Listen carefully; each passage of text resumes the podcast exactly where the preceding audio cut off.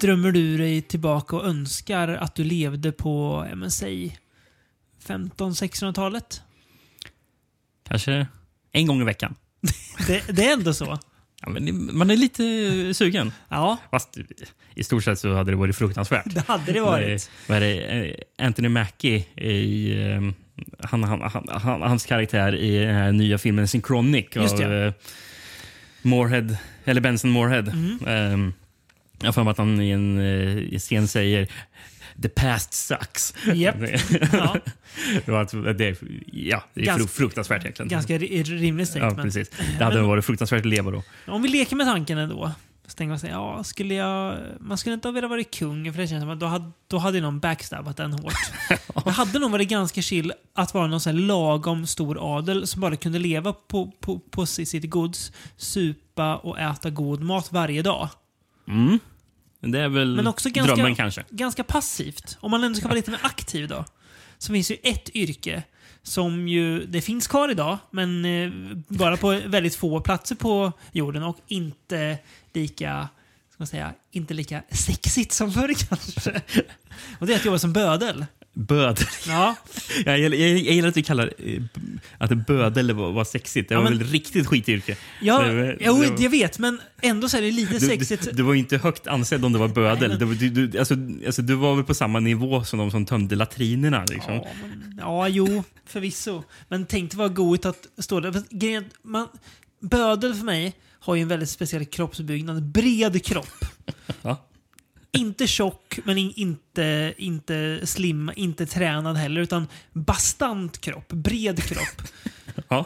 Bar överkropp har man ju som bö, bö, bö, Verkligen. bödel. Och sen huvan. en svart huvud, en svart kåpa på huvudet ja. Mm. Eh, och så svingar man sin bila. Röd kan den ibland också vara. Ja, om, om man är lite, lite edgy så kan det vara. Vit kanske inte ska vara. Då är, då är man jävligt edgy och Ja. på fel håll. Då Ja. brukar man inte ha bara överkropp heller. Nej, nej, det hade sig gett något. Det hade kanske Ku Klux Klan behövt för att, att rebranda sig själva. Det känns som att de, att de ofta inte var så rippade heller. Du menar bödlar eller, Nej, eller nej. KKK? KKK. Nej, KKK känns som halvfeta sydstatsgubbar. Ja, Rent precis. generellt. Ja. Kanske dagens KKK är mer rippade. Här, incel, incel eh, KKK-folk. Ja, att, de, att, att de går in i något skov och bara tränar liksom tre månader och äter jag vet inte, något nyttigt som de har Känns som en eh, minoritet. Såklart. Ja. Det är, ju, det är ju en minoritet som har uh, huvud på sig också. Kan vi prata om. Det är det vi, vi, vi ska prata om i det kanske hittills mest vaga avsnittet av From Beyonds podcast. Vi, Ja. vi, vi, vi, ska prata om huvor. Ja, det- eller hur? Det var det som konceptet i Ja. avsnittet eh, föddes ur. Att Japp. Vill ha filmer där någon bär huva. Mm. Ehm, jag tänkte ju egentligen främst på bödelhuvud, men sen råkade det ju komma in någon KKK här i eh, det här avsnittet också. Ehm, men, men ibland gillar vi att vara vaga. Mm. Och det, Ja.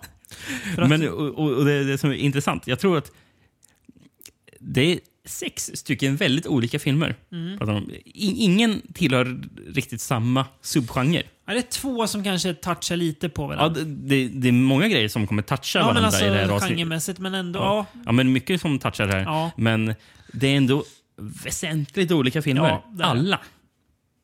Vilket är väldigt intressant. Ja. Gud ja. Medan de har den lilla, lilla Lilla, gemenskapen. ja. Ja. Ska vi börja med något väldigt obskyrt? Får man säga. Ja. Ja. 1943 åker vi tillbaka till. Ett årtionde inte brukar vara i. Dead, 40-talet. Dead of Night va, har vi pratat om, från Ja. 45 va? Ja, kanske någon annan 40-talsfilm. Mm, eller har vi det? Jag vet inte. Det känns knappt som att vi har det. Nej. Nej, det är mycket Jag ska möjligt inte säga vi att det har. är så definitivt, men... Eh, eh, nej. 1943 i alla fall tidigt. Det är ju liksom typ samma år som Casablanca kommer. Mm, ja. Så att folk får något att relatera till. Eh, en film med, eh, bland de mest, på tal om sexighet, osexig titel. The Mysterious Doctor.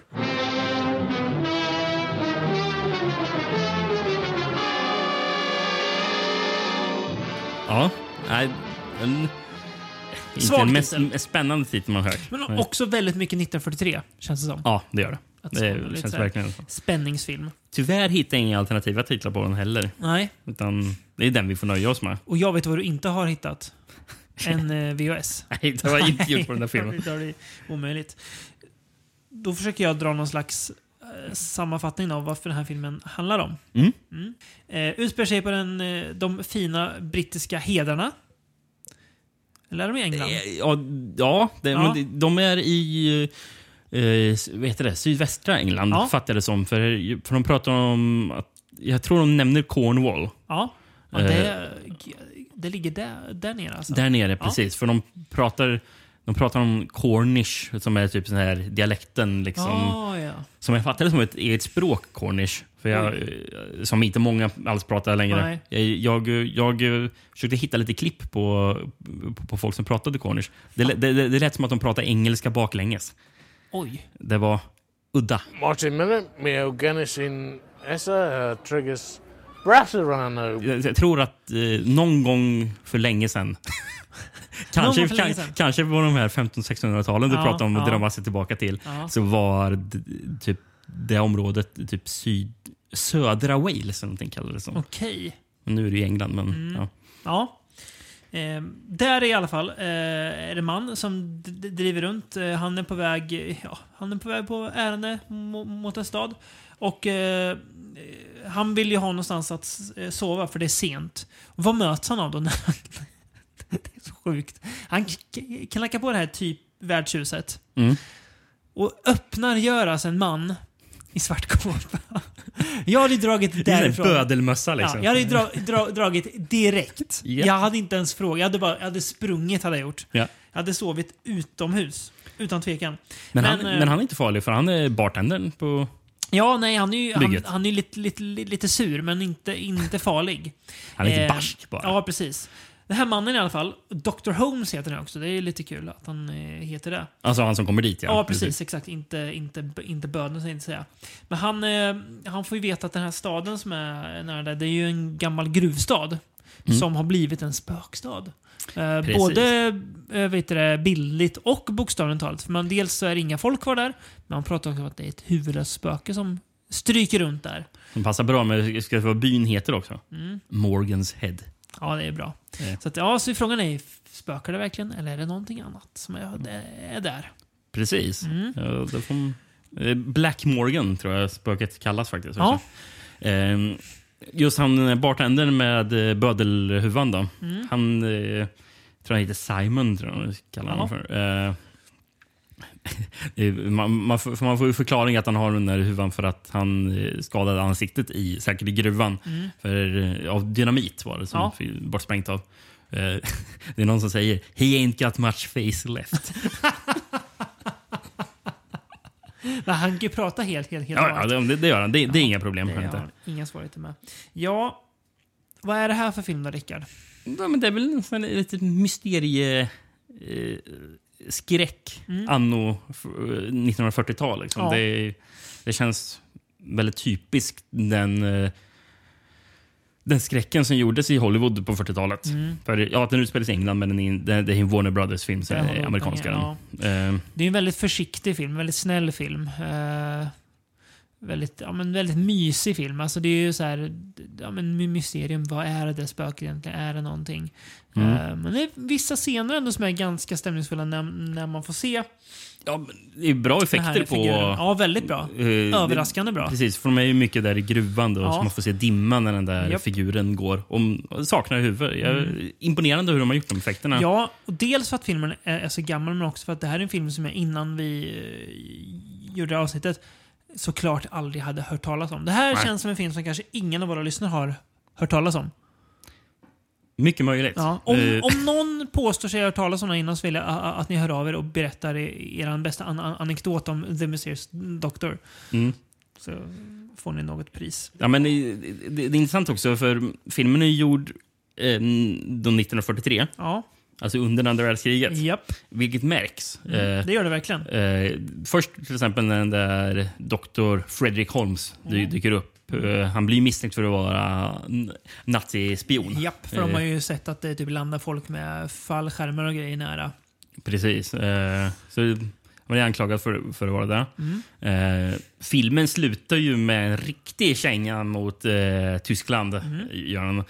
Eh, Som det kommer ju de här gruvarbetarna från Cornwall kommer och eh, ma- marscherar och sjunger någon sån här, någon sån här ja, hymn, kan vi väl kalla det för. Ja. Eh, som ska liksom vara patriotisk. Just det, det vara. Jag tror att soldater kanske sjöng på den också.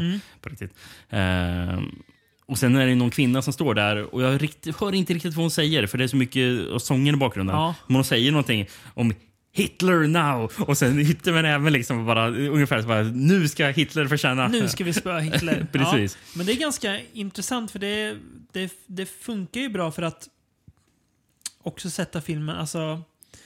Den här filmen hade ju lätt lika gärna kunnat utspela sig när Hammer-filmer utspelar sig. Mm. Eh, men jag tycker att den utnyttjar ändå ganska sin, sin tid rätt väl. Att folk är... Folk i byn, de är ju mer rädda för det än för det här gruvspöket. Ja. Det är ju mer bara en liten myt eh, som de, de pratar om. Men de verkar inte vara faktiskt särskilt rädda för det, utan det är ju mer hotet från tysken. Och Precis. att Holmes då skulle vara spion som de faktiskt är rädda för. Och ju är rätt så... Eh, de behandlar dem inte alltid särskilt väl heller i filmen. Nej, det gör de inte. Eh, Det de är så misstänksamma. någon annan som de inte behandlar väl det är ju byfånen eh, Bart. Ifrån bara. Ja. Ja men precis, för, Mm. för han... För det är ju en kropp som hittas eh, Mm. eh, och eh, då så anklagar ju ja, folk i, i byn att, att, att den här Bart för, för mordet. Men den enda som försvarar Bart är ju den som nästan är vår huvudperson kan man väl säga. Ja. Eh, Letty Carstairs. Ja. För, för Holmes visar... eh, Det är lite spoiler territorium, men, men Holmes dör ju i gruvan. Mm. Vad vi vet i alla fall. Eh, och då är det ju... Och då tar ju Le- Letty Carstairs över till som huvudperson i filmen. Som spelas av El- Eleanor Parker.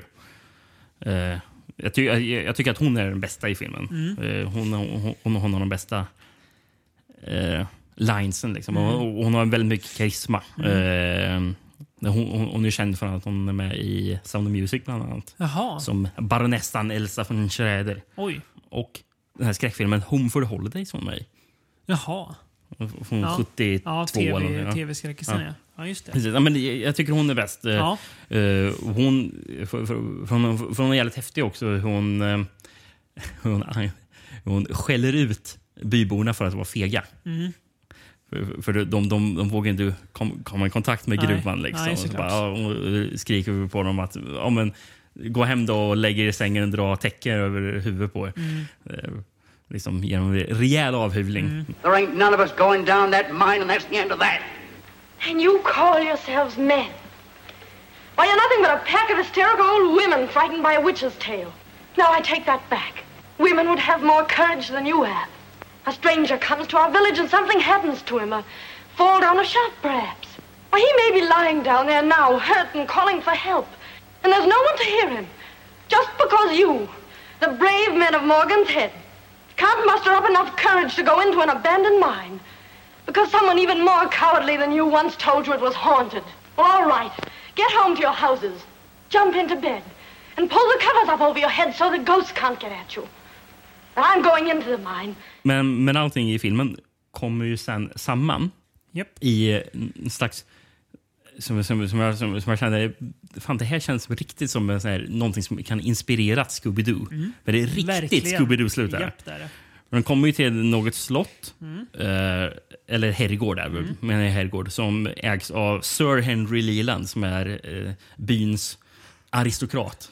Som starke man i den här lilla Byns starke man, ja. Precis. Och, och, och han tror man ju är god. Sen visar det sig att det är ju han som är den där head, huvudlösa typen som har sprungit omkring och dödat bara. Och det känns ju så otroligt typiskt Scooby-Doo att ja, det är klart att den där aristokraten herrgården är skurken. Liksom, som Han hade lika gär- gärna kunnat säga I would have gone away with it if it weren't for your meddling kids. Precis. Det gör han tyvärr inte, men... Nej, men då kommer ju Dr. Frederick Holmes tillbaka. Hon bara, ha, jag dog aldrig i gruvan. utan den, den personen ni hittade, det var egentligen eh, ja, bartendern. var det. för jag... För jag smög in... För, för, för, för man får se i filmen att båda smyger in i gruvan samtidigt. Eh, Men då visar det sig att bartendern dör, dödas av den här Spöket. Eller ja. av sp- spöket. Ja. Eh, och sen så tar Dr. Fredrik Holmes huvan och går omkring och låtsas vara bartendern sen. Och för sen i slutet ska bara haha, det var, jag levde hela tiden. Det känns som att, jaha, varför, varför hände det för? Och, då, och, då får man ju, och sen får man ju reda på det här som också koppling till eh, det här kriget och så. För vad är han den där eh, aristokraten, Sir Henry Leland? Och Han, är ju, han har ju tyskt blod. Har han. Ah, Han, hans eh, släktingar var ju sån här tysk, eh, eh, tys, tyska adelsmän som flyttade till England eh, för att typ ha, med gruvorna att göra. Eh, och nu så ha- har han någon komplott där han ska typ sabotera så, så, så, så, att ingen vill använda gruvan för, eftersom spöket springer omkring där. Nej, det är riktigt långsökt. Ja. Men, men, men, Men, lite är ju... men, det, men det är ju- kul. Är det? Ja, det är ju lite, alltså det är lite kul. Det är, jag, jag tänker så här, visst det är, det är rätt mysigt. Det är också ganska torrt. Ja, Men det är också mysigt, men det är lite mystort som man kan förvänta sig. Ehm, Jag har faktiskt infört en grej som vi gör i vissa avsnitt. Tror du och Kristoffer gjorde det i, i något av era avsnitt ni gjorde där när jag var på standby tänkte jag säga. Men, men att man försöker gra gradera filmen utifrån temat. Och då har jag väldigt vagt nu. Ja. Mördare i huvudfaktor. Vet, vet du vad jag har skrivit på alla Nej, filmer? nej. Bödelfaktor. Ja, men det är bra. Men då kan vi båda sätta betyg, fast ja, men det är ju typ samma. Jag har, Sjukt jag, sjukt att jag har satt eh, ett av fem på den här. Eh, alltså, för att jag... Det är lite i slutet när de slåss. Eh, men, och jag tycker inte att värdshusgubben räknas som en mördare i huvudet eller bödel. Ja. Så att därför får den ett av fem. Ja, jag skriver låg. Bödelfaktor låg. Ja. Eh, men jag skulle nu översätta det till 2 av 5. Ja. Om jag ska sätta på en sån ranking. Men ja, men jag, jag tycker bartendern tillför en lite där. Ja, det gör han. Han, han, han tillför en... Alltså, om fem år, när jag inte minns den här, här filmen så mycket, så kommer jag i alla fall minnas att bartendern hade, hade på sig. Precis, så du kommer missa att, Det är och du kommer minnas att skurken var nazist. Ja, det Eller nazist är han väl inte riktigt? Han är bara han tysk. Och det det, är men det tysk räcker gott är lika och väl. med en nazist. Ja, gud ja. Precis. Eh, jag ska bara... Just han, Sir, Sir Henry Leland som spelas Mm. av John Loder. Eh, du har ju sett honom i andra filmer. Eh, How Green Was My Valley. Mm, just det, i mitt ett sånt filmer-projekt. Precis. Och sen är han med i Hitchcocks eh, film eh, Sabotage också. Ja, just det. Den är riktigt bra. How Green Must Have Valley kommer jag inte ihåg. Nej. Den var, den var säkert bra. Ja, men jag hittade en, en intressant grej om honom. Mm. Eh, för nu, nu är det skådespelare som rör sig långt baka i tiden. Här, liksom, det, det, det brukar man inte få chansen till. Nej. Men jag lä- läste att han tjänstgjorde i första världskriget. Oj. Eh, och var bland annat i Gallipoli. Som Ja. var en sjujäkla härva. Eh, och sen var han i, han var faktiskt i slaget om Somme. Vilket är helt sjukt. Först och främst han var faktiskt i slaget vid Hastings.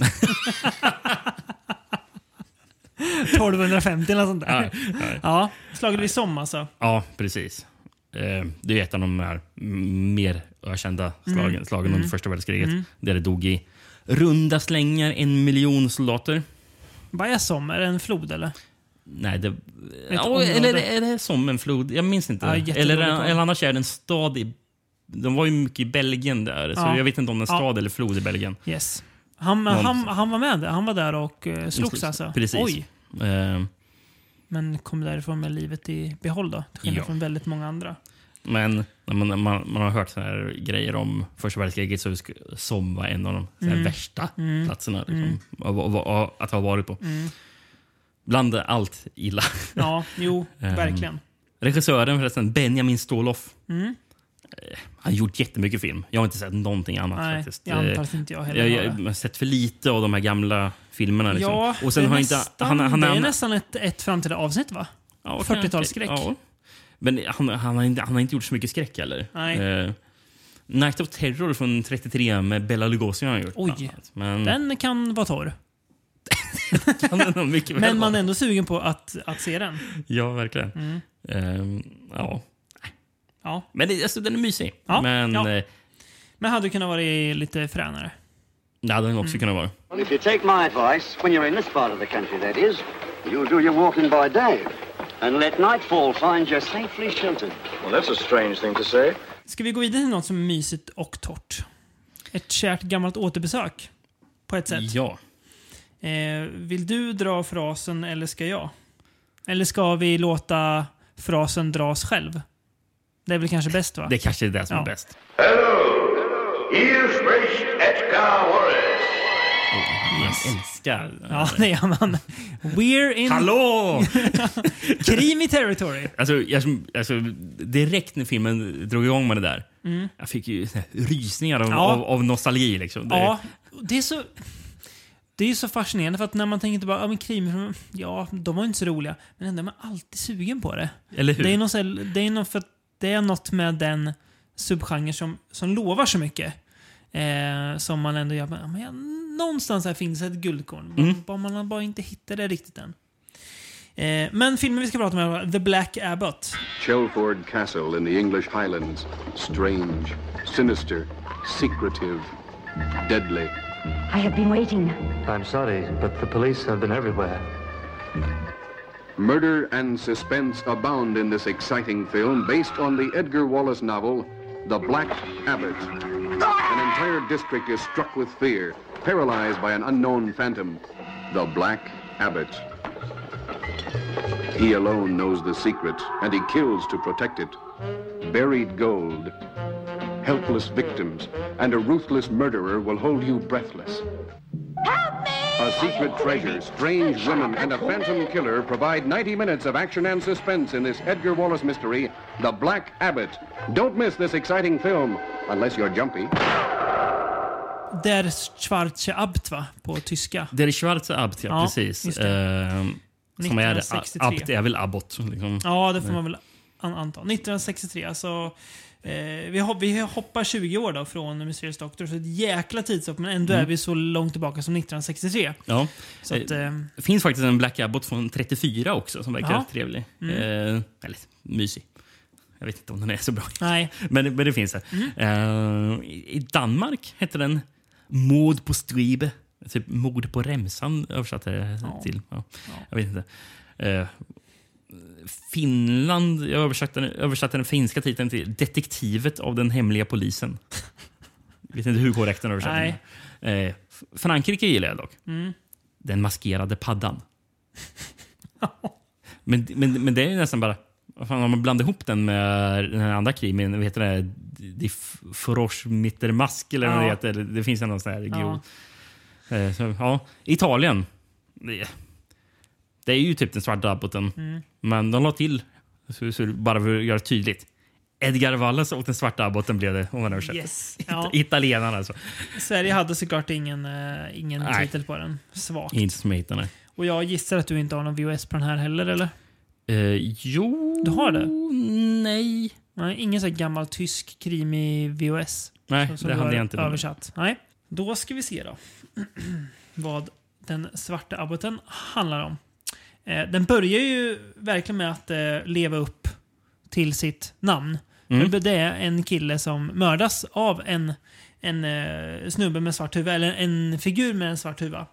Eh, vid ett gammalt abbotskloster. Så att eh, många liksom check där tänker man, oh, det ska bli en mysig, mysig mord, eh, mordkrimi. Mm. Eh, det är ju, Nicke.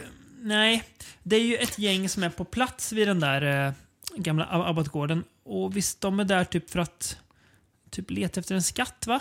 De vet att det finns en skatt där. Precis. Det Eller de, de vet inte, men de, de har hört legend om att det finns en skatt där. Ja, det finns en skatt där Mm. som eh, Lord Ha- Harry Shelford, för det är Shelford eh, herrgården utom är vi.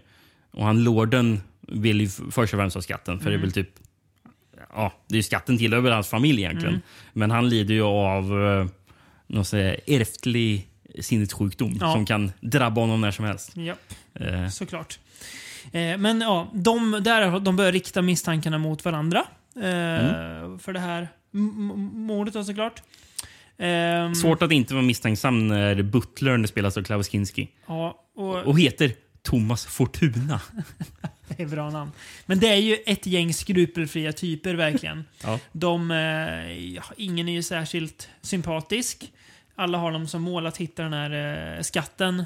Men eh, den eh, ja, huvudbeklädde jag vet inte om det är en abbot. Det är så oklart. Ja, det kanske Nej, är. det är Nej, det är ingen abbot. Men Eh. den, den huvudbeklädde figuren Mm. vill ju annat.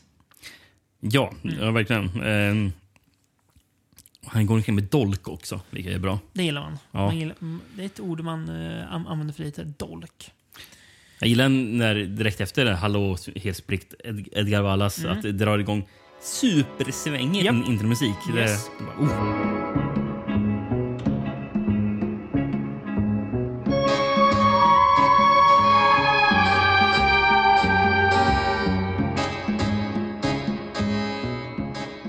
då, då, mår man lite ändå. Då mår man. Man Mm. mår ju också av att se Kinski så himla ung. Ja, Eh, han kan inte vara särskilt ga gammal än, men han är ju... han är svår att åldersbestämma. Ja, det är han i och för sig. För han, Eh. han, han ser liksom lika gammal ut fast ändå Evigt lite yngre. utseende. Ja, verkligen. Men det här är väl innan han eh, träffar Herzog, får vi väl an anta. Några år innan och innan ja, han blir liksom känd för att all, all, allt han gjorde. Ehm, satt, satt, satt och tänkte när jag, när jag såg den här filmen. Jag vet inte om du har koll på det här, men det är ju så här grejer som man säkert skulle kunna ta reda på bara man sökte lite eller läste lite. Men hur stora var de här filmerna egentligen? Och vart var de stora? Var de stora i Tyskland? Gick, gick de på bio i, i Tyskland som drog publik eller? Alltså, jag antar ju att de var stora, för jag gissar ju på att de här, de här alternativa titlarna jag drog Mm. var alltså från bio, Mm.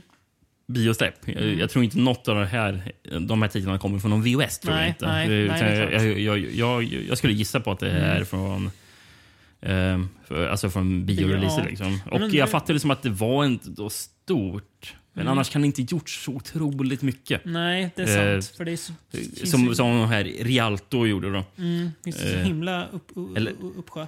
Eller är som, jag gillar att de, om man säger hela. För vad heter de? Mm. Rialto Film Preben Philipsen.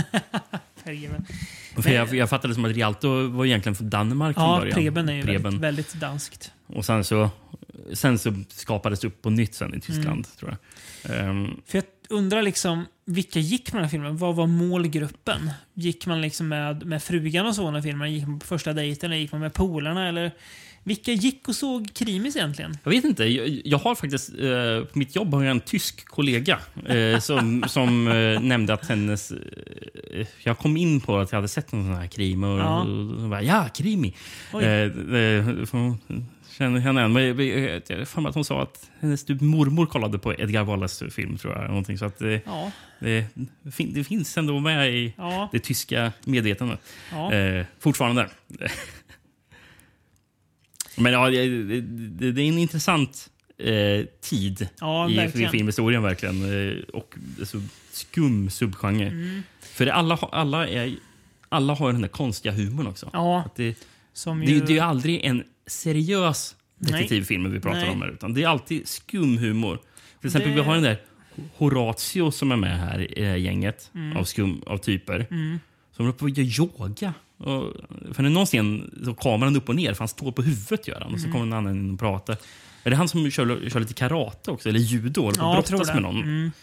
Det är, Men det är, ja, och det är visst det är li- lite kul. Men jag kan tycka att det är lite synd att de inte är mer seriösa. För att jo, ja, men det, det Ja. dem, jag håller också med om det. det, Det, jag, är synd. det jag saknar här till exempel, det är att jag vill ju ha... Det är faktiskt...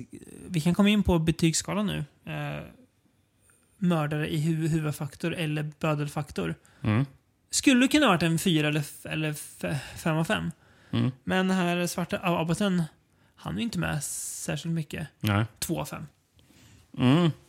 2,5 av 5 skulle jag Ja. säga. ja, men då är vi Eh. ändå typ samma. Det jag tycker att när han är med för lite. Han är cool när han är med, men han är med på tok för lite. Mm. Ehm, Ja, men eh, jag håller med. Men alltså, man hade ju nästan önskat att... Tänk om en sån här film hade kunnat gjorts av typ Mario Bava. ja, men typ. Eller hur? Mm. Alltså på 60-talet i Italien. Eller av Wim Wenders. Nej. Ja, ja abs absolut. Nej, men, jag, Nej, men- nej, men ja, jag fattar vad du menar. Bava är ju lite, Bava är väl den närmsta eh, hans eh, tidiga Jallo-rullar som också är ganska mycket humor i. Mm. är ju ändå lite att nosa på vad krimin var fast Ja, eller, eller liksom kanske mer av det gotiska också skulle man Ja, kunna jo, använda. absolut. Det är med. Eh, Men det är, man liksom önskar alltid lite mer av krimet. Det är som att man, man lovas någonting men får det inte riktigt. Man undrar ju hur förlagan är. Eh, Jag kanske skulle läst romanen från 1926. Mm. Året efter, alltså 1927, Mm. eh, så skrev faktiskt Edgar Wallace en pjäs också. Mhm. Av den som heter The Terror. Ja. Eh, tänk att gå och se Edgar Wallace på eh, teater. Liksom. Det hade varit fränt. Eh, det finns en tidig ljudfilm från 1928 vid Jaha. namn The Terror som är baserad på den pjäsen. Okej. Sen The Terror från 1938, Mm. också baserad Mm. på den. Sen hittade det, finns, det finns en tjeckoslovakisk tv-film från 1985 som heter Rusovi Hubert. Vad i helsike? Som också baserad på... Ja. Eh, kanske inte pjäsen, jag tror kanske mer baserad på romanen. Ja. Men Tjeckerna var också torsk på Edgar Wallace. tydligen fanns... Ja, han var populär var han. Mm. Ehm, är det någon som är förvånad över att eh, Klaus Kinski faktiskt eh, går omkring i den där huvan också? Nej, klart man inte. Det Twisten är ju dock att det är två personer som Mm. bär huva. Mm. Eh, den andra är väl den här Dick. Dick Alford. Ja. Eh, som är älskare till hon som är, som är förlovad till lorden Harry. Mm. Så det är mycket sån här... Ja, Mycket intriger. mycket intriger Mm, som är verkligen, rörigt. Men han som spelar Dick Alford, Joakim Fuchsberger. Ja, Han känner vi igen från eh, som polis i What have you done to Solange. just det. Eller ja, varför inte i de tre, krim, tre av de krim vi pratade om i Mm, krimavsnittet. mm, Der Hexter var ju med i. Och ja. Der Mönch mit der Peitsche och Inbannedes Unheimlichen. Med giftringen. Ja. Apropå Der Mönch mit der Peitsche. Mm. ehm, musiken till den här filmen är gjord av Martin Butcher. Mm. eh, som gjorde musiken till ja, Der Mönch. Mm. Och Die Blaue Hand också. Ja. Jag, hitt, jag kollar lite vad han annars har gjort. Och han, var med, han stod som medverkande i en film som heter, på engelska översattes till Willy manages the whole thing. eh, du måste se omslaget på den. Det och och ni som är lyssnare måste också googla på Willy. Googla i detta nu för att få lite kontext. Får man ju tänka tillbaka till 90-tals Italien-avsnittet. När, vi, när, vi, när, vi, när jag visade den här fotbollsfilmen som, Mm. eh, som vi Ja, på Instagram också det. bilden på. Också en fotbollsfilm det här. En tysk fotbollsfilm från 1972. Ja.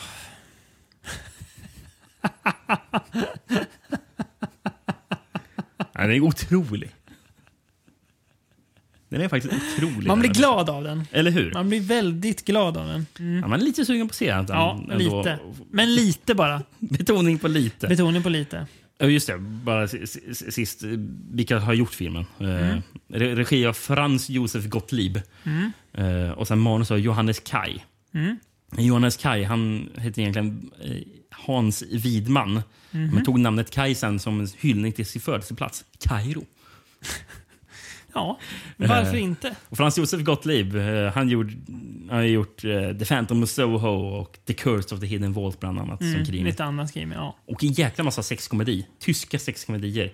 Från 70-talet. Kan Det känns som att det är inget vi kommer doppa tårna i, va? Nej, det Nej. känns slisigt. Det var, Ja, det det var, det. det var en, en, en av filmerna heter She's 19 and ready. Ja, med de orden ja.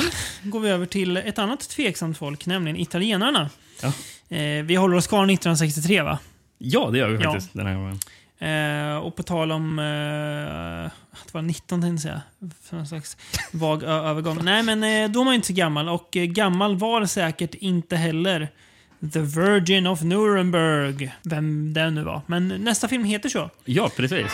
Una donna, una città prigioniere di un destino malvagio più spaventoso del tremendo abbraccio de La Vergine di Norimberga. Eller La Vergine di Norimberga. Japp, precis. Eh, släpptes 1965 i USA Mm. som Horror Castle. Det är Ja. underkänt till amerikaner. Det är en usel titel som säger noll och ingenting. Mm. Två alternativa titlar som, på engelska som också är jättedåliga. Mm. Terror Castle. Och Ja. Back to the Killer. Va? Den är, den är usel och, och oförklarlig på samma gång. Vadå back to the killer? Men vet du vilka, några som var ännu sämre? Nej. Fransmännen. Panic. Nej, men sluta. Back Eh. to, back to the Killer börjar man i alla fall undra på. Man, Ja, man eh, funderar ju. Eh, Tyskland. Mm. Vilket ord är med den tyska titeln tror du? Böse? Nej. Nej. Grauens. Ja, ja, jag menar ju Grauens såklart. Das Schloss des Grauens. Ja. Skräckens slott. Och så. Ja, precis. Eh, vill du ha ett par titlar med fantasi då? Ja. Span spansk titel översätts till Den röda hämnaren. Det gillar jag ändå. Ja. Eh, Brasilien. Den själlösa mannens herrgård. Ja. Det låter som en, en, eh, en roman av Pablo Neruda. Något. Danmark då? Mm. En Hitlerläges tortyrkammare. Ja. En Hitlerläkares tortyrkammare. Ja, ja. det, ja, jag vet inte. Och Sverige. Kort och gott. Järnjungfrun.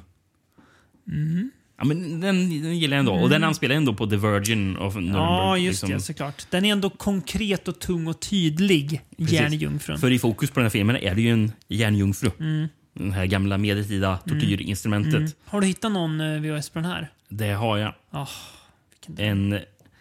Tyvärr faktiskt. Från den franska VHSen som står Panic. Ja, men det kanske är värt ändå. Oförklarligt omslag också. Framsida. Du, jag måste, du måste se- den. Mm. Det ser ut som en slasher. Ja, ja Det- väldigt, det- det- väldigt konstigt. Det är en kvinna som går omkring i, i, i såna här, je- såna här egenklippta jeansshorts. Mm. Cut-offs. Som är väldigt högt skurna, som man så ser halva rumpan Mm. sticka ut också. Och sen så är det en silhuett Mm. under henne som ser ut som eh, ja, mördaren i eh, Mad Men. Mm. Mad Men Mars. Ja, det ser ut som Mad Men-omslaget. Mm. För den står till och med med, med Ja. machete. Japp. Vad fan, det Ja. har ingenting med den här filmen att göra. Jättekonstigt. Eh, Men den handlingen säger... Mary, den unga amerikanska frun till den tyska adelsmannen Max Hunter anländer för första gången på Ren i det gamla slottet som tillhör hennes man. Samma kväll med hennes ankomst gick hon ut när hon upptäckte kroppen av en ung piga som dödats med det gamla tortyrinstrumentet Virgin of Nuremberg. Ja, Det var det? ja det var bara... Ja, okej. Ja, Men hon, men hon, eh, Ja, hon, hon, hon blir ju vet du, hon blir chockerad. ja eh, såklart. för när hon bevittnar det här, den här kroppen i eh, Litar källaren. hennes läkare eller hennes man på vad hon har sett?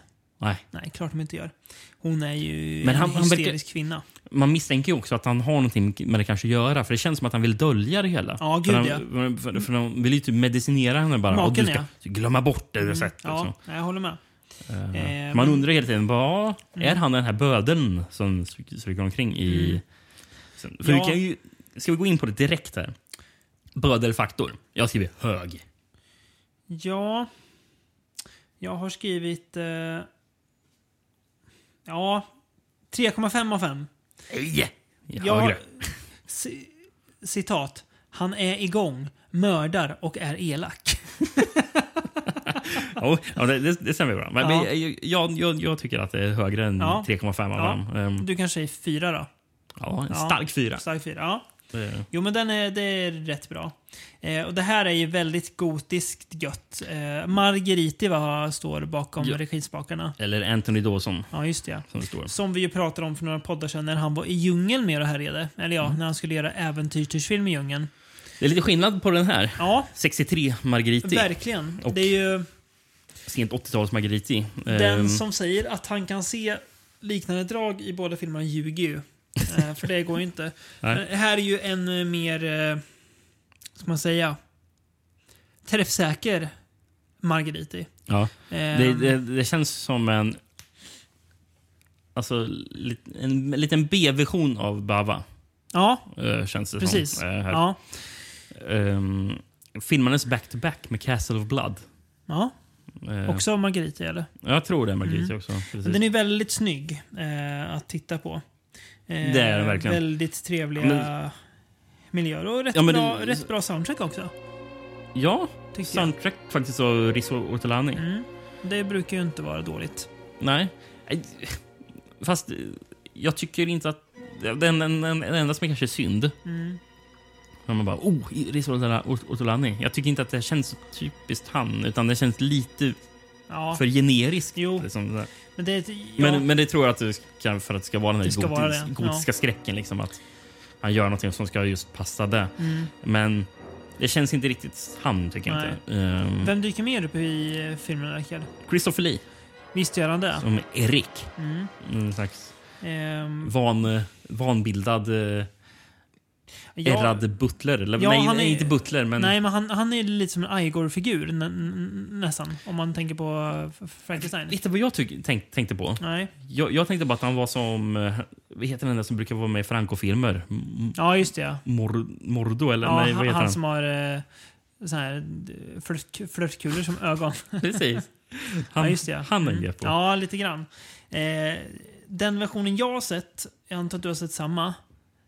Visst är han dubbad med någon annan röst, va? Eller? Eh, ja, det, Ja. Det, det, det, det är det. Det, Mm. det är någon helt annan som har dubbat honom. Det märks ju så Vilket är så väl. dumt när man har Christopher Lee. Ja. Och det ändå är eh, engelska de pratar. Ja. Så känns det dumt. Ja, Varför verkligen. har man inte han det är en annan engelsman de har bara tagit. Mm. You are interested in surgery, aren't you, Eric? Those instruments were the property of the general, gnädige Frau. The father of Herr Max. Du, men jag kom på en grej Mm. eh, när jag kollade igenom mina anteckningar. En, en bra grej med soundtracket faktiskt. I Mm. förtexterna, Mm. då jazzas det loss Mm. ordentligt. För då är det inte sån här eh, så skräckfilmsmusik, sån här typisk. nej. Utan då är det ju ge- väldigt stor, bra kontrast. Mm. För det, filmen börjar supergotiskt Japp. och sen bara... Kommer Nu, jazzen in. nu, nu jazzas det loss. Ja.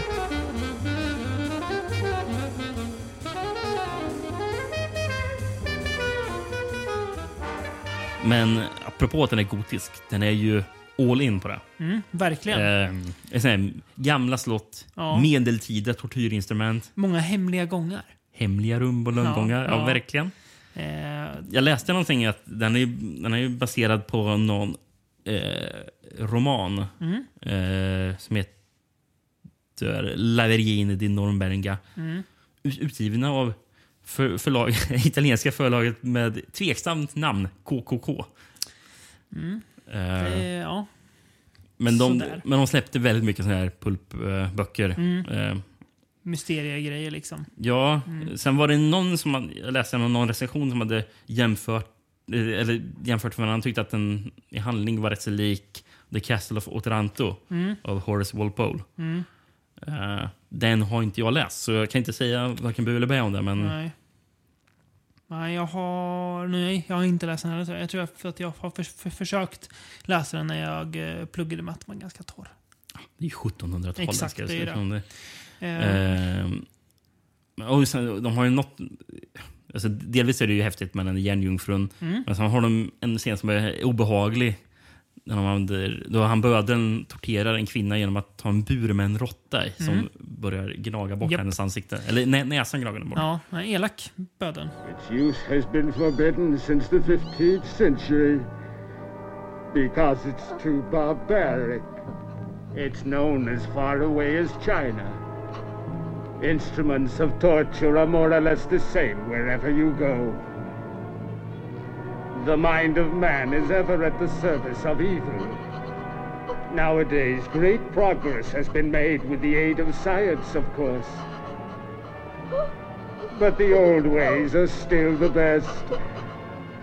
Believe me, our ancestors had imaginations that were positively diabolic. Sen när man får se bödeln, Mm. vad, vad tycker man när man får se honom utan mask? Ja, Mördaren, mördaren utan mask ser ut som Voldemort. ja det... Ja. Ja, Det, det gör han ju. nu när du, när du säger det så, så ja, det ligger faktiskt något i det. Eh, lite töntig, men ja, vad ska man säga? Men det är ju, jag, jag, jag gillar den, för det är svårt att säga jag har svårt att säga exakt vad det är som jag gillar, men jag tycker den är väldigt mysig, Mm. genomgående, spännande, snygg, trevlig att titta på. Liksom. Här Mm. Eh, känns som att det här genren är Margarete trygg i. Eh, ganska stilsäker och sådär. Ehm, Precis. Lite, lite kul i slutet att de helt plötsligt börjar prata om eh, Adolf Hitler också. Ja, precis. Eh, Det har absolut med filmen att göra. Men det, det, jag tyckte ja, va? Ja, det kändes, men det var det- lite så konstig scen nästan. Precis, det är en koppling då till Mysterious Doctor. Liksom, Ja. hur, hur, hur får upp de Precis. filmerna här. Mm. Men det är ju att Just det, för den mördaren var, blev väl experime- experimenterad på av, eh, av, av nazisterna. Ja. Eh, för de skulle ju göra... De tog bort hans hud så Mm. att han blev typ en levande skalle. Japp. Lite Red Skull. Ja, precis. Ja, skurken. Men ja, nej, men trevlig film. Eh, rekommenderar starkt om man gillar den här typen av, eh, av gotisk skräck. Mm. Eh, funkar bra. Ro-. Rosanna Podesta är hon som spelar huvudrollen. Mm. Eh, som är Mary Hunter. Mm. Apropå Mary Hunter, det är flera gånger som jag tycker att det låter som när Christopher Lee ropar hennes namn som att han Mm. ropar “Proud Mary”. jag, vet, jag vet inte om det var det han ropade. Det gjorde han säkert. En, Hon- en framtida referens. Rosanna Podesta, född i Tripoli. Jaha. Libyen alltså. Mm, precis, just det. Där nere, ja. Och då var ju väl Libyen italienskt så... Mm. Eh, Koloniserat och härligt. ja. Ja. Never fear. You thought I wanted to abuse your body. On the contrary, death is the fate I have in store for you. Vad säger du om att hoppa tio år fram, byta decennium till 70-talet? Och eh, Helt byta faktiskt genre hålla också. oss där eh, resten av podden. Ja, det ska vi göra. Vi ska... Ja, om jag säger så här, håller du med mig då? Eh, det här är mer Mississippi brinner än exploitation. Det är Mississippi brinner exploitation. Ja. Världens längsta, ja. Mississippi brinner exploitation. ja, ja. Det finns, det finns inget slut för det där. Eh, filmen heter i alla fall The Clansman eh, från 1974 då. Lives threatened by black rage. Land besieged by white heat. I could buy you out. You could go to the south of France. You could go to the East. I'm not leaving here. I've lived here too long. Then you're just asking for a midnight knock on your door. The emotion is building. You remember of the clan trap? What the hell kind of a question is that? What the hell kind of an answer is that? Hate. The fear. The lynching mob. The Klansman.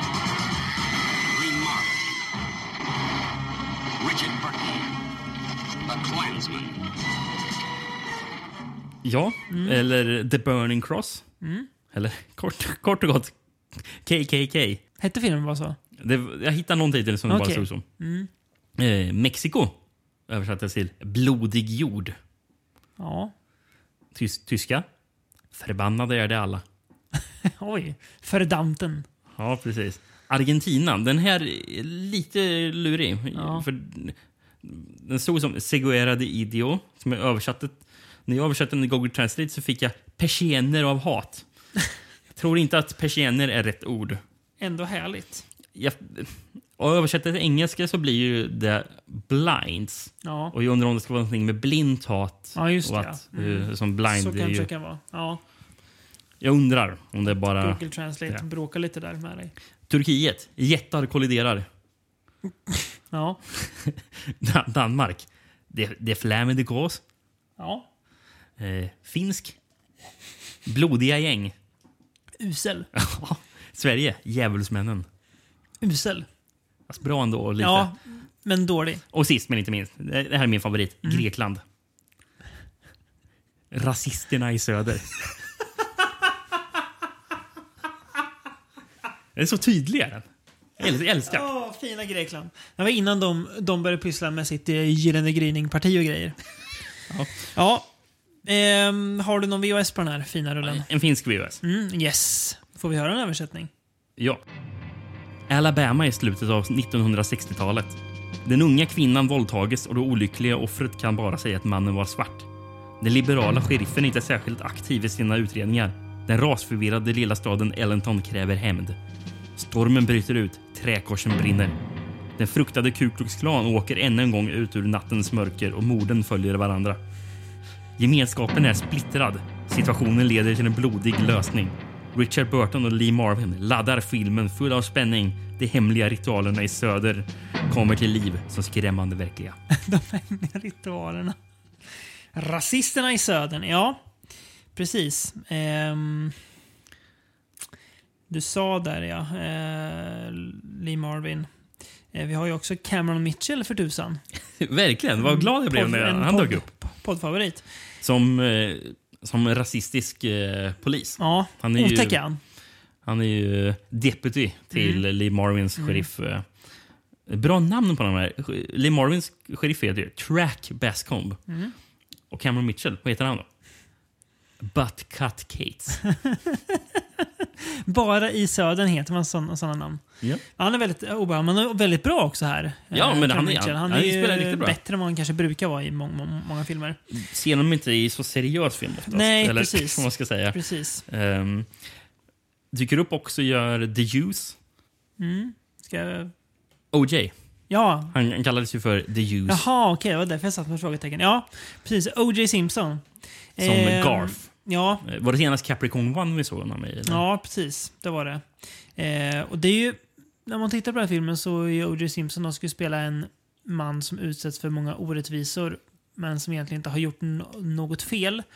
Och när hjärnan så kopplar ihop O.J. med ordet oskyldig så blir det lite så här... Mm, Ja, ja, men jag, tycker, jag Ja. tycker det är alltid lite lurigt att se film där OJ är med. Ja. För han är ofta också väldigt charmig och bra. Men- För det är samma sak att se Nakna Pistolen. Ja. Liksom. håller med. Ehm, Det blir jättekonstigt för mm, han är det blir ju... kortslutning i huvudet på något sätt. Ja, inte lika mysig i RL då. Eh, men jag, han är ju lite... eh, man kan säga att Spike Lee, nu är ju den filmen byggd på en verklig händelse. Men Spike Lee har nog sett den innan han, gör- innan han gjorde Black Klansman. För Ja. OJ gör ju en, eh, en Black Klansman typ. Ja, ja men jag verkligen. Inte Ehm, infiltrerad på samma sätt, men ändå Nej, men vi har, ett, grann. vi har ett slut där han springer omkring i KKK-huva och Japp. låtsas vara medlem. Och sen så kom, dyker upp med hagelbrakare och skjuta Yes. folk. Det, är- OJ skjuter rasister. ja, precis. You're twisted. Twisted? You're the one's twisted. Hey, you think your man here, you think he's the one that's responsible for you having that job in Chicago? I tell you who got it for you, baby. It was your brothers. You know the ones in Watts in Detroit on, on them roofs?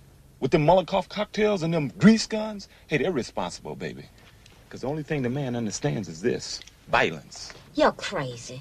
Den är ju faktiskt baserad på en bok där, Jaha. eh, som heter Burning Cross. Ja, Från 67 av William Bradford Huey. okej. Han, den författaren han var faktiskt pla på plats vid landstigning i Normandie. Oj. Och Bara det. skrev om det eller? Ja, han skriver det några, böck, några böcker Ja. faktiskt som, Mm. som har, har lite med det Just det. Ganska bra film det här va? Ja, Också. Alltså, den, är, den här är bra. Ja. Jag tycker Lee Marvin är Mm. bra som... Man vet, inte riktigt, man vet inte riktigt var man har honom. Nej, han, han blir väl lite något så här att han, hans jobb blir att inte stå på någon sida utan återupprätthålla rättvisan. Precis. Vad, oavsett vad den nu är. Att jag, jag tar ingen, ingens parti. Om vita beter sig illa så ska de in. Om svarta beter sig illa så ska de in. Precis. Han liksom tar inget, ingen sida. Jag tycker filmen är ganska in, intressant för att Jag tänker att risken eventuellt lite, eh, nu vet jag inte hur mycket så här Black Power eh, följer den här filmen hade. Men jag tänker att filmer som om det hade varit ännu mer exploativ och fokuserat på ännu mer på OJ som någon slags hämnare Mm. så hade det ju liksom blivit mer så här röjfilm att eh, skjuta onda ras, ra, rasister bara. Här är ju OJs karaktär väldigt problematisk också. Han är ju och det har inget med att det är OJ att göra, men han är ju ganska svår att sympatisera med för han är ju väldigt vrång, tar väldigt dumma beslut. Mm. Eh, gör det inte lätt för sig heller i den här situationen. Eh, han, eh, det känns som att hade han bara jobbat lite mer med Lee Marvin hade, han, hade allt det som händer i slutet kanske inte behövt hända. Mm. Känns det lite som. Eh, Så det är ganska intressanta nyanser i filmen. Jag tycker att den, den känns inte så svartvit som filmer om rasism och eh, ja, i, i södern kan göra ibland. Att det är liksom inte... Ja, det är, ja, nej, men det är lite mer gråskala. Det tycker jag är ganska intressant. Ja, ja att men filmen faktiskt. faktiskt eh, är det. Eh, Jag läste ju att från början var det ju, så var det Samuel Fuller som skrev manuset till den här bara. Just det. Sen blev det en jäkla massa krångel verkar det ha varit vid inspelningen där Mhm. han hoppade av och sånt. Eh, eh, Manuset såg ju väldigt annorlunda ut. Var det Samuel Fuller som var med i Return to Salem slott? Ja. Som vampyrjägare? Ja. Just det. Precis. Ehm, i det, för i det manuset var Lee Marvin inte sheriff, utan Nej. han var ledare av KKK. Jaha. Eh, som eh, vars eh, sy, alltså syn på svarta ändras Mm, mm. under filmens gång. Så det var något helt annat. Liksom bara. Okej. Men verkar som Paramount inte riktigt... De tyckte det, det var lite provokativ den här filmen. Ja. Eh, sen så är det krångel med italienska producenter tror jag som var med. Det- alltså, det är mycket skumt. Och sen så Mm. kom Terrence Young in som regissör och då... Mm.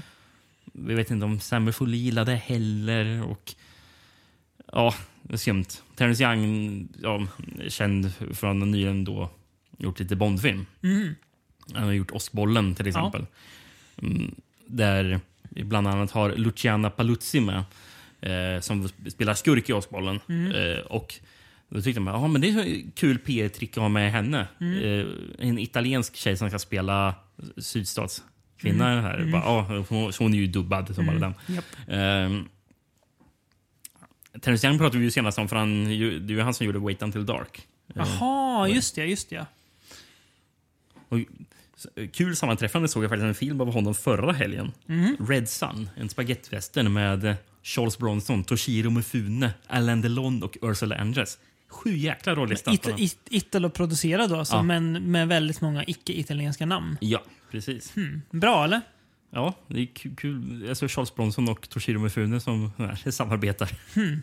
Spännande. Ja. Ja. Men eh, personer i den här filmen, eh, Lee Marvin och Richard Burton var väl båda fyllon. Mm. fattar det som. Ja. De drack rätt så mycket. Mm. Och då särskilt Richard Burton. Han var väl konstant full under den här inspelningen. Mhm. Eh, Problematiskt.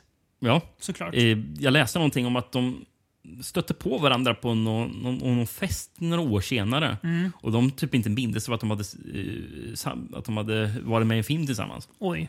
Eh, Dimmiga dagar. Dimmiga dagar, Kan man ja. säga. Eh, Richard Burton... Jag läste någonting att det är många scener i den här filmen som han sitter ner. Ja. Eh, här, eller ligger ner rent av. För att, ja, Han var för full. ja precis. Ja. Mm. Han, han, eh, han, under inspelningen drack han i snitt två till tre flaskor vodka om dagen. Mm. Det... Ja, hade jag druckit två, tre flaskor vodka i månaden hade jag funderat lite på mina alkoholvanor kanske. Men Mm. om, om dagen, ja det, Ja, det, är, det är något det. Det, det, det- är, det är siffror. Det är verkligen något. Det är Eh, siffror. En annan karaktär som vi faktiskt måste nämna som jag tycker är stå, står ut, Mm. eller sticker ut. Mm. Eh, Jag, jag gillar han eh, som spelar eh, KKK-ledaren. Mm. Han är riktigt så här sliskig och äcklig. är han. ser verkligen ut som en så här sydstats-nazist. Liksom. Verkligen. Han är Ja. en stor växt. Liksom, eh, och, eh, precis, men, men han är så här liksom... För han pratar så här bra för sig. Liksom, och han, han liksom pratar bara... Ja, vi ska inte ge klanen dålig PR. Liksom, Nej, så, precis. så säg till, typ till folk att så sluta Mm. eh, så gör, så mörda folk för att Ja. det, det, det liksom ger oss en dålig bild. Liksom. Mm. Men samtidigt är han genomond. Liksom. Eh, ja, nej, han är riktigt äcklig. Han spelas ju av David Huddleston. Mm. Som jag förknippar mest med Blazing Saddles.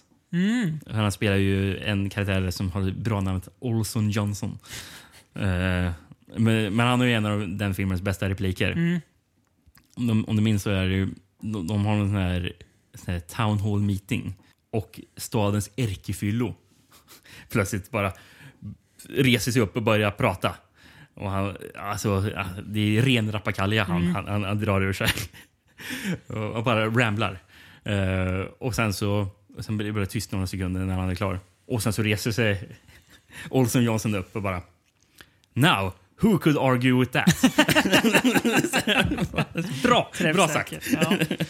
Hell, I was born here, and I was raised here, and dadgummit, I'm gonna die here. And no sidewinding, bushwhacking, hornswoggling, crocker crocker is gonna roll my biscuit cutter. Now, who can argue with that? Vad, vad, eh, om vi ska argue lite då, vad har du för eh, betyg på den här i eh, huv, huvudfaktor? Jag har ju faktiskt... Min, min huvudfaktor var ju skrivet utifrån bödelfaktor. Och där är ju lågt eftersom Ja. det inte är någon bödel med. Japp. Då är ju, Mm. Men i huvudfaktor, ja. Det, det är en del huvudar med. Jag det, ser- alltså, alltså, jag ger den... Jag har svårt att sätta en siffra på den, men jag ger den bra betyg på grund av eh, scenen med OG med, med Mm. huvan. Ja. När, han, när jag hämnas. Jag säger 3 av 5. Ja, men För jag landar också på det. KKK är ju ändå KKK. De är ju omysiga. Så att de, de gör ju sitt. Vilken underdrift. Hey, Mr. Man, when you gonna learn, huh? When you gonna pick up a gun and fight? Well, whenever you do, you know where to find me.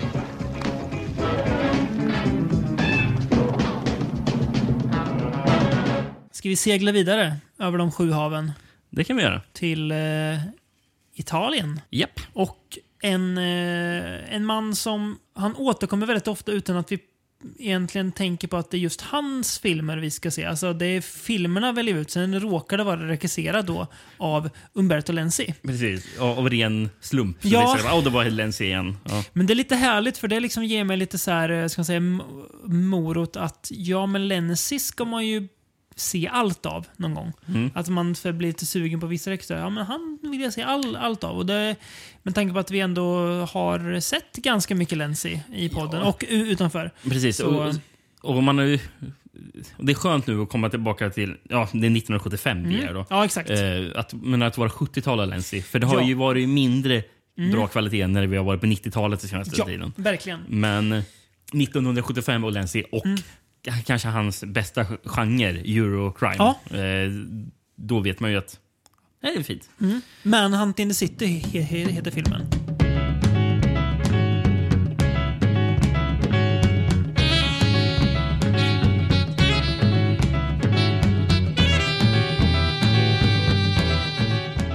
Precis. Lätt att blanda ihop. Blanda ihop med eh, Castellaris film, va? Eller Nej, eh, Nej. Fernando de Leos film. Fernando de Som Leo. heter Manhunt, tror jag. Med eh, Ja, den heter Mario också- Adolf. Den Ja, kanske den heter eh, Manhunt in the City också. Ja, den har ju många titlar. Ja, en väldigt bra film för övrigt. Ja, Ja, vi har pratat om den Ja, vi har gjort det va? Har vi gjort. Väldigt bra vi. för mig.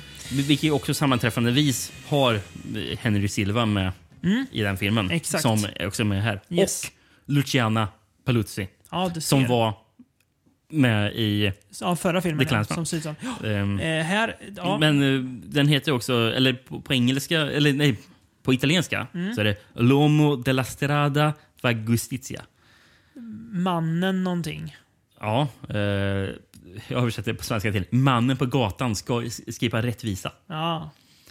Frankrike, en laglös polis. ja. Jag gillar ju italienska titeln bättre som är Ja. väldigt bes beskrivande och, och lång. Men gillar du den danska titeln bäst då kanske? Jag vet inte. Som, som jag för övrigt har VHSen på som jag ska Mm, läsa från. mm. Inte på danska, jag, har översatt den. okej. Men En fär ser rött. Ja, men det är bra. En far ser Ja, rött. det gillar jag. Det gillar jag. Fångar filmen bra tycker jag. Vill du läsa för oss vad den handlar om? Måndagen den 13 januari var ingen speciell dag för eh, David. Förrän hans fru ringer och berättar att deras lilla dotter har skjutits under ett rån som hon oskyldigt såg på. Eh, David har inte tålamod att vänta på att polisen hittar mördarna så han anställer en privatdetektiv. Plötsligt befinner de sig i strid med underjorden. Detektiven dödas och Davids fru våldtas och misshandlas. Det finns nu bara en lösning. En man mot brottslingarna och det våldsamma samhället. Han förvandlar Davids ilska till en rå och hård mördarmaskin som ingenting kan stoppa. Mm. Ja, men bra tycker jag. Man vet att det är italiensk, rå, cynisk Eurocrime man börjar med. Ja. Det, är alltså, det, där allt är åt helvete. Japp. För det är det verkligen i den här filmen. Mm. Eh, Förtexterna börjar ju med att det är skurkan, skurkarna man får se som håller på att typ förbereda sig för Mm. juvelierbutikrån. Japp. Och samtidigt är det... Om Ennio Morricone är sp- spaghetti-westerns, eh, fader, vem är Eurocrime-musikens fader? Stelvio Cipriani. Tänker inte du på? Bruno Nicolai tänker du på?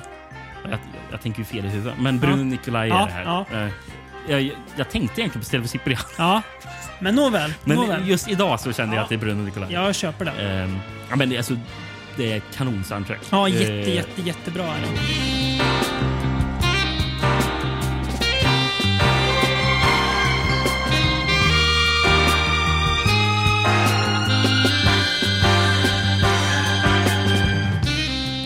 Jättebra musik såklart. Precis. Ehm, Men, eh, men, eh, och omedelbart sen när man får se ja, den här juveler, juvelerarbutiken. Mm. Så, ja, ja, det är en liten flicka. Man vet omedelbart, det är en crime-film. Hon, Ja. hon kommer bli skjuten. kommer ja. Eh, och det blir hon. Eh, Precis. Eh, det är ju alltså... Varken jag eller du tyckte väl att den här Eurocrime-dokumentären var särskilt välgjord. Nej, den var ju amatörmässig. Mm. Men den, den tog ju upp det här intressanta med att det fanns en slags, det finns en ilska i de här eh, filmerna. För att Italien var väl, jag ska inte säga laglöst, men man hade problem med kriminaliteten. Ja, Eh, vilket också syns i filmer. Och det är intressant för ofta, alltså italienarna ska ju rättmätigt ibland beskyllas för att ha pysslat med mer eller mindre ren exploitation. Mm. Men Eurocrime, det är ju lite deras genre. Ja. Eh, oavsett vad folk tycker att det är. Men det är inspelat av det här. Mm, jag vet, håller, håller nog inte med. Alltså, jag tycker det är deras grej. Det och Jolly är, det är liksom Mm. deras grej. Men för det här känns så... Det här hade bara kunnat vara i Det Italien. är så liksom. himla italienskt där. det, det, det enda det annars hade faktiskt kunnat vara, Mm. det är typ New York. Ja, Liksom, det ja precis. liksom- Ja, men lite så Death Wish. Eh, Precis. York, alltså fast, ja, precis. Men mer fokus på den enskilda hämnaren. Då. Det är ju det delvis här. Mm. Men det är också det är ju det här ilskan mot ska man säga, etablissemanget. Att, att polisen inte bara står handfallen och inte kan hjälpa the common man. Mm. Eh, det känns ju som att Lenzi var arg på polisväsendet. Filmen känns arg liksom. Alltså, ja, de känns, alltså, den känns förbannad den här Ja, filmen. arg. Men det, Ilsken. Eh, det är ju Lenzi och Dardano Sacchetti som har Ja, skrivit manuset. just det. Eh, Här. De skrev mycket, mycket Jolly. Eh, Eh. Ja, men eh, jag, jag, jag började med att jag skulle skriva ner varje gång det ske- skedde någon slags orättvisa i filmen där Mm. det var olika skurkar som... Alltså, alltså bara, och, och där händer det... Där är det någon som blir rånad eller något Ja. sånt där. Vi börjar ju alltså med det här rånet där eh, hon, eh, hen, som ska, föreställa Henry Silvas dotter blir Mm. skjuten. Då. Mm. Ehm, och sen så Silva och frugan sitter på en liten bar. Mm. Tre sliskiga män sitter vid bardisken som slickar sig om läpparna när de Mm. tittar på honom. Och de tror inte vi får se något mer, utan det var Nej. bara okej, det är några, några tre, perverter, tre perverterade typer Ja. som säkert hade gett sig på dem om Ja. de hade stannat kvar baren en liten Japp. tid till. Troligen. Ehm, sen så... in- Inte någon som egentligen är olaglig, men det är sliskigt. Man, Mm. man får se privatdetektiven Salvatore Manino. Vad är, vad är det första man får se?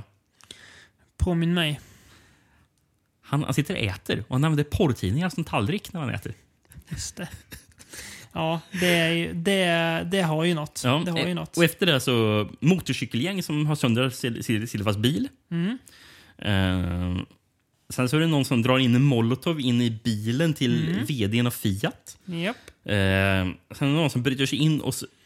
Eller det är någon som ska föreställa telefon. Eller nej, en försäljare. Mm. Som, som, kom, som ger sig in hos Henry Silvas fru. Mm. Och sen så när hon står och pratar telefon så ser hon att han står med en kniv. Mm. Och jag vet inte riktigt varför gör han det? Mm. Mm, För man får ju aldrig se honom mer Nej. heller. Jag trodde att bara, är han någon av de här skurkarna som Mm. brukar utpressa henne? Nej, jag vet. Jag tror inte det. Jag tror Det- bara att han hade kniv. Det, det, det, det här som är lite så här, som jag tycker är lite intressant med filmen. För att när, man, när, när du läste handlingen förut så låter det som okej, filmen kommer fokusera på Henry Silvas hämnd. Och det gör den ju till stor del. Men inte helt. Det är väldigt mycket annat som också pågår för att visa liksom det ruttna italienska Mm. Ja. samhället på något vis. Ja, men, och alla de här random brottslingar Ja, mm. som dyker upp i filmen. Mm. Och jag, jag, jag tror att jag inte ens är inne i halva Nej. filmen. Och då gav jag upp på att skriva upp Ja, varenda förstår händelse. det. Bara, Mm. ja. Eh, men just det här avskyn mot eh, det usla polisväsendet. Eh, det får man ju verkligen se tydligt. Till exempel då Eh, Si- Silva, då han blev attackerad, eh, hans fru, han och hans fru blev attackerade när de här motorcykelgängen som Mm. slog sönder hans bil. Mm. Då hoppar ju han, för, han blir ju först misshandlad. Och sen hoppar han in i bilen för att nej, nu ska jag fan jaga ikapp dem där. Mm. Man får se en biljakt i Neapel. Då. Mm. Och sen så eh, lyckas han ju komma ikapp dem. Men sen blir han omringad och sen så spör de upp honom igen. Japp. Fram till att en folkmassa kommer och Mm. avbryter, avbryter dem. Sen kommer polisen. Mm. Vad är det polisen säger till honom? Bara, ja, du kör mot rött. Mm. Eh, och, och sen, sen, men ska du inte, ska du inte ge dig på de, de där uh, bovarna istället? Mm. Bara, du- Och får han typ böter för att han säger emot. Liksom, Mm. bara. Och de, de är helt värdelösa, polisen. Mm, mm, mm. Ehm, och, och det märks så tydligt liksom, i manuset Mm. att det, det är riktigt avsky. Det fanns en liksom. ilska, ja. Ehm, kul att se Henry Silva. Det, det är någon kvinna i den där folkmassan som, som säger innan polisen kommer bara Mm. eh, hämta polisen eller någonting. Och det, är någon, Mm. och det är någon kvinna som säger eh, the police they are useless. Ja, just det. Det- Ja. Ja, ja, det är, ja, det är en ar- arg film och Henry Silva är ju arg. Men han är ju inte skurk här. Och det är ganska intressant att se honom som våran hjälte eller våran protagonist. Han spelar ju ofta skurk. Han har ju Mm. sitt utseende mot sig kan man väl säga. Eh, lite Ja, grann där. Han ser ju inte så himla... Menar, han, han är ju en... eh, Han ser inte snäll ut. Alltså han ser ju... Han, ja. ja, men han är ju en Death Wish-karaktär. Ja, liksom. Han gör ju, exakt. Det, Ja, det är han ju i och för sig. Ehm, men det... Alltså... Här märker man ju, om vi på tal om att vara bekväm i sin regissörsroll. Det här är ju Len, Lenzis eh, spelplan. Det Mm. här, det här kan han. Ja, det verkligen. här är han jätteduktig på. Ehm, mördare huvudfaktor. 2 av 5. För det, och det är för att, ja, de är väldigt brutala och hårda. Men de är, det dröjer långt innan de är med. Är ja, att- precis. Och det är inte skurkarna som bär Nej, huvudet. det är eller inte det. Beroende på hur man ska se, se på det. Men, det är eh, den här men- organisationen va, som eh, kontaktar Silva. Precis. De kontaktade honom för att, för att de bara, ja, polisen kan inte göra någonting Precis. åt det här, men vi kan hjälpa dig att Exakt. sk- skipa rättvisa. Alltså en brottsofferorganisation. och de går omkring i bödelhuvud. gör de är ju ännu mer eh, vigilante än vad Henry Silva. Ja, precis. Ja. Alltså, han drar sig typ ifrån dem. Mm. liksom. Han tycker de, nej, de känns lite sus suspekta. Men eh, bara för att den faktorn är rätt låg så är det en väldigt bra film tycker jag. Eh, Mm. som, ja, men det är ju så här, vad, vad, vad bra italienarna var på det här, ofta. Precis. Eh, alltså, mm. Den är ju jättebra. Eh, Men det enda som ty jag tycker drar ner filmen, Mm. Han, han tappar lite energi andra halvan. Ja, jag tycker också det. Den första halvan är Mm. kanon verkligen. Ja, det, men det är väl kanske för att det blir lite så här småspretigt ibland, att den ska dra åt lite olika håll.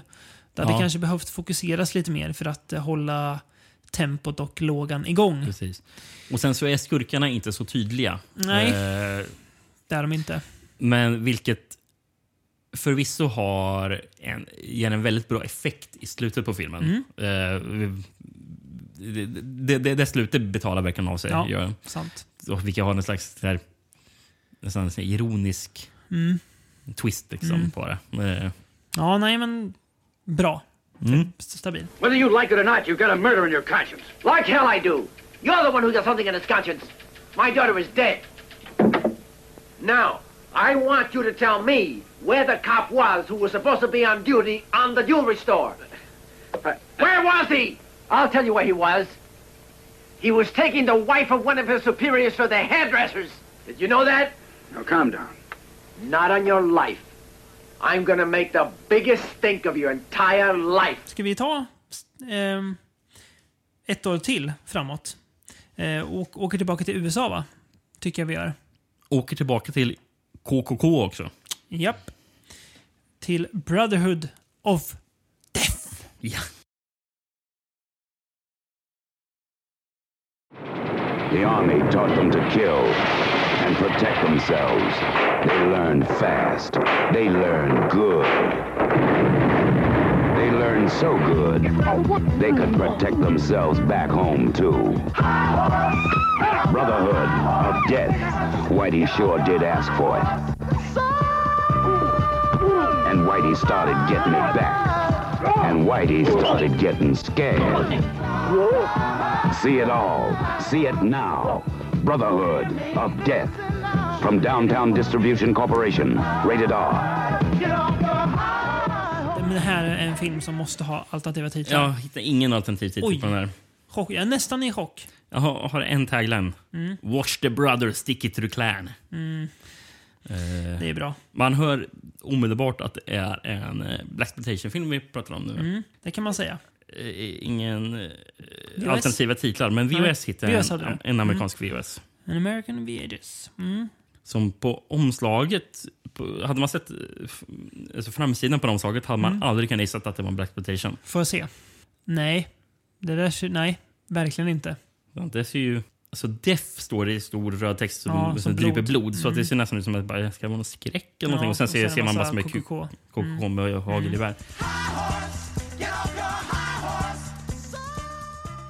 Roy, Ned, and Junior are the three young black men brought up in a small repressive town in the deep south. Kincaid County is under the brutal control of the Ku Klux Klan. They terrorize the black citizens, black citizens by rape and murder. The three friends form the secret Brotherhood of Death and set out to avenge their people. They use all the violent skills they learned as soldiers in the war in Vietnam to wage their own war against the Klan with terrifying consequences. Mhm. Mm? Vad tror du att Martin Luther King och Malcolm X hade tyckt om den här fi filmen? Ja, är väl... Hade de tänkt vilka, vilka framsteg vi har gjort? Jag vet inte. Pacifisten Martin Luther King. Ja, men Ma- Malcolm X var väl inte långt Nej ifrån han, var, pacifist. nej, han var Eh, inte lika mycket nej. pacifist. Han hade kanske diggat där. Ja. Det är möjligt. Jag, jag, jag eh, kan inte riktigt ut. Nej, jag har också väldigt dålig koll på, på eh, Malcolm X, måste jag säga. Mm. Ehm, ja, det här är ju sannerligen Black exploitation territorium Ehm, Ja. Börjar inte så lovande tycker jag inte. Jag tycker att det är, Jag fick liksom gå tillbaka och kolla synopsis när filmen helt plötsligt klipper till att de är i Vietnam. Mm. För den börjar ju inte där. Jag tycker det är så intressant när de är i Vietnam. Ja, ja, gud. Jättebra. Men Ja. jag blir så här, jag sitter och förvirrad. Jaha, okej. Är de alltså, har de hoppat, har de åkt till Vietnam eller har jag missat det att de kommer hem sen? Men sen när jag väl ord- ordning på det så, ah, okej, då är jag med. Det börjar bli lite rörigt i början. Att, Ja, men jag- att, de, att de var i Vietnam Ja. fick, jag, fick jag faktiskt idag när jag såg filmen. Jag bara Mm. tänkte jag bara, und- undrar om Spike Lee tittade på den när han gjorde den här The Five Bloods. Ja, just för, det. för där är det väl de i Vietnam Ja, det tror jag. kanske det var. Ja. Eh, så, Gud vad den här inte är inspelad i Vietnam. Nej, nej, den är inspelad i en, en skog bredvid. ja, men jag fattade det som att eh, mesta av filmen är inspelad i Washington. Ja, okej. Eh, Mm, delstaten eller? Ja. Ja. Långt upp i norr. Den ska, den ska utspela sig i the deep south och i Vietnam. Men ins- inspelad i liksom nordvästraste, ja om man bortser från Alaska då, USA. Mm, de har ju en scen som faktiskt inte är inspelad där uppe. Ja. Eh, de har ju en scen som är inspelad i Smithfield i North Carolina. Ja, det är ändå lite mer söderut. filmen ska utspela sig. För filmen slutar med att man får se en eh, skylt Mm. som är en billboard Ja. på, på vägen Japp. som är eh, som är typ reklam för eh, KKK. Japp. Där det står “Help fight communism and integration. Join and support United Clans of America Incorporated. Mm. KKKK.” 4K, jag vet inte vad det fjärde är. “Welcomes you to Smithfield”. Stavfel kanske? Ja, jag vet inte. På fyra, ja. Eh, det är den där. ja, precis. Mm. Eh, och, och det är ju en riktig skylt. Mm. Jaha. Som, som satt uppe. Det satt Oj. ju upp många såna i söder. Gjorde det, ju. Eh, Mm. det är inte förvånad över. Men det, det här var ju en som faktiskt satt uppe 76 när den här filmen filmades. Mm. Så satt, den där uppe i North. Carolina. Det hade inte Det- Martin Luther King eller Malcolm X varit särskilt Nej, men alltså det, det, det, det är fan magstarkt. Ja, Alltså, verk, verk, gud ja, gud ja, gud ja. Det är ju också en liten film av, ska man säga, splittrad karaktär. För Mm. Den har ju såna där saker, som att den vill säga nå- någonting. Den har ett, ett budskap, den vill väcka någon slags debatt. Samtidigt som den är ju väldigt mycket exploitation i att den är ofta väldigt glidig. Ja, ja, verkligen. De här tre snubbarna, de liksom glider runt och ligger med brudar och hänger på en bar och eh, snackar lite skit. Och, och sen är det helt plötsligt så här raskrigsgrejer som är som lyfter vi det. Jaha, ska, jag ta filmen på allvar eller ska jag tycka? Och det är klart att det är vissa scener som är så här, ja, uh, fy fan liksom. Mm. Men också så här, det är så glidigt ibland också. Ja, men precis. Ja, den, bland, blir- den blandar och ger på, Ja. eh, på de känslorna. Det är ju någon scen där mot slutet där de har kidnappat, eller ja, de har bundit fast två stycken av de här Mm. KKK-medlemmarna Japp. eh, och står och hotar med vapen. Eh, Mm. Ja, och sen så pratar han den där, det är någon av dem där som bara, ja men ni är kommunister. Bara, ja, och någon bara, tror du på det själv eller Mm. det är bara någonting som ni säger. Ja. Eh, och en annan som säger någonting i stil med Tror ni att ni kan ta på er spökkostymer, kalla er drakar, bränna kors och att alla vi svarta ska skaka i våra skor då? eller? Mm. Ja, Väldigt nej, bra. Men det gör vi inte för, för typ att ni som ska få skaka. Ja. liksom. Mm. Do you actually believe that you can put on evil spirit costumes and call yourself dragons and burn crosses? And all the darkies were shaking their shoes and afraid to fight your white supremacy. Well, these darkies are about to do you in, mother. Det, är, det är riktigt bra. Mm. Ja, men det, det, den blandar er på, på, på det här Mm. verkligen. Den har ju en jättesvängig eh, låt. Som heter Get off your high horse. Ja. Som sjungs flera gånger i filmen. Get up your high horse. Ja, den är riktigt trevlig. Väldigt bra, väldigt bra. Den börjar ju med, med den och sen så kommer den tillbaka flera gånger. off. Should anyone be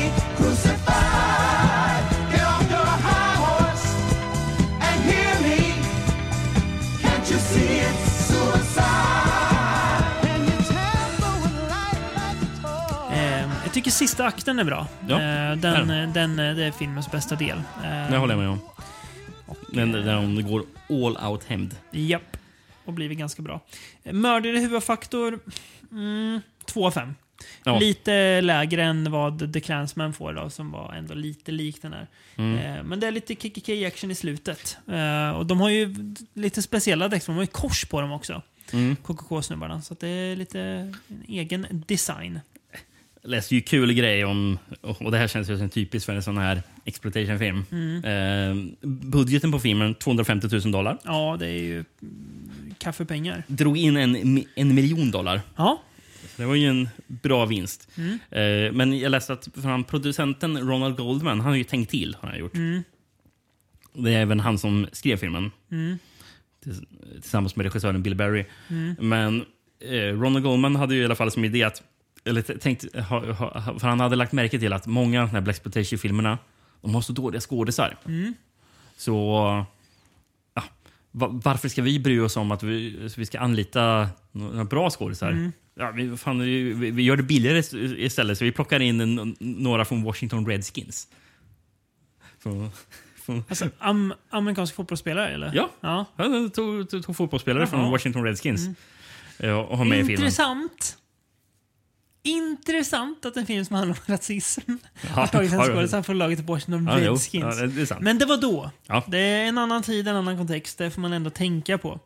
Precis, Eh, men, men, men, men, med tanke med gör, eller, genom att göra detta så Mm. kunde de ta in Eftersom de inte var professionella skådespelare Mm. så kunde de inte kräva lika mycket lön. Nej. Eh, och samtidigt kunde de, eftersom de ändå var de var ändå kändisar som Mm. spelade i amerikansk Mm. fotboll Ja, i högsta ligan. Mm. Så de kunde använda ändå, de hade ju Deras publicitet namn, som Ja, publicitet. De hade ju namnen då. Smart. Ju Exploitation smart. Eller hur? Ja. Exploitation smart. Ehm, och sen så fattades det som att han, Goldman hade eh, kopplingar till Washington Redskins också. Såklart han Så. hade. Ett finger med där också. Eller hur? Mm. Men eh, han, har ju skrivit manusen här Mm. och han har skrivit ett annat manus. Mm. Det är vilken då? Jo då. The Black Gestapo som kom året innan.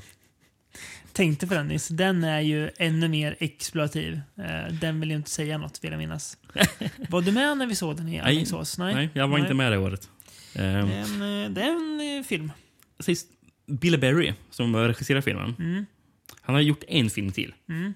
Triathlon 6-komedin Off the Mark från 1987. Många ord där som gör det svårt för mig att komma med något, något, något svar. Triathlon 6-komedi. Ja, jag menar det. Det är, Ja. det är nytt. Det är nytt och fräscht. Det får man igenom. Porkis med triathlon. Ja, precis. Ehm, sen har han jobbat mer som assisterande Ja. eh, regissör. Okej. Bland annat på Witchboard 2. Den goa Witchboard. Jag har för mig att jag kollade Witchboard-rullarna för många år sedan. för mig att tvåan var rätt god. Kan Ja, minnas fel. Han är även assisterande regissör på Chil- Children of the Corn 5, Fields of Terror. Ah, fina Fields of Terror. Men David Carradine va? Ja, det var den. Var det den där? Och eh, vad heter det? Arquette. Alexis Arquette. Han producerade även Children of the Corn 666, Isaac Return. Mm, det var ju en film. Det var en film där. Mm. Och film, det har Jesus Franco gjort många av. Ja. Eh, En av dem ska vi prata om idag. Eh, Den heter, det finns inga alternativ, den heter Bahia Blanca. Jag antar att det är väl kanske det vita stranden eller någonting. Ja, jag vet inte vad Bahia betyder. Nej, jag gissar hobbyspanska nu. Verkligen. Men Blanca måste väl nästan vara vit Ja, men, det- men det är väl vit. spanska. Ja. Eh, tror jag. ja, det är Bahia. Blanca. Kör du en, en, Google Translate nu eller? Bahia Blanca blir eh, White Bay. Vita bukten då? Vita ja, bukten, såklart. Bahia, precis. då började jag tänka på... Ja. Bahia Blanca. Ja, just det. Ja. Eh, en Franco-film från 1984.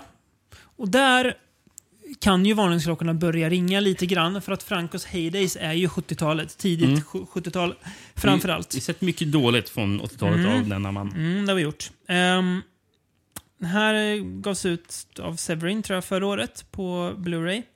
Eh, som, ja, Ja, 2020 står det på ja, lite en av typ Francos mer udda pärlor, men att den ska...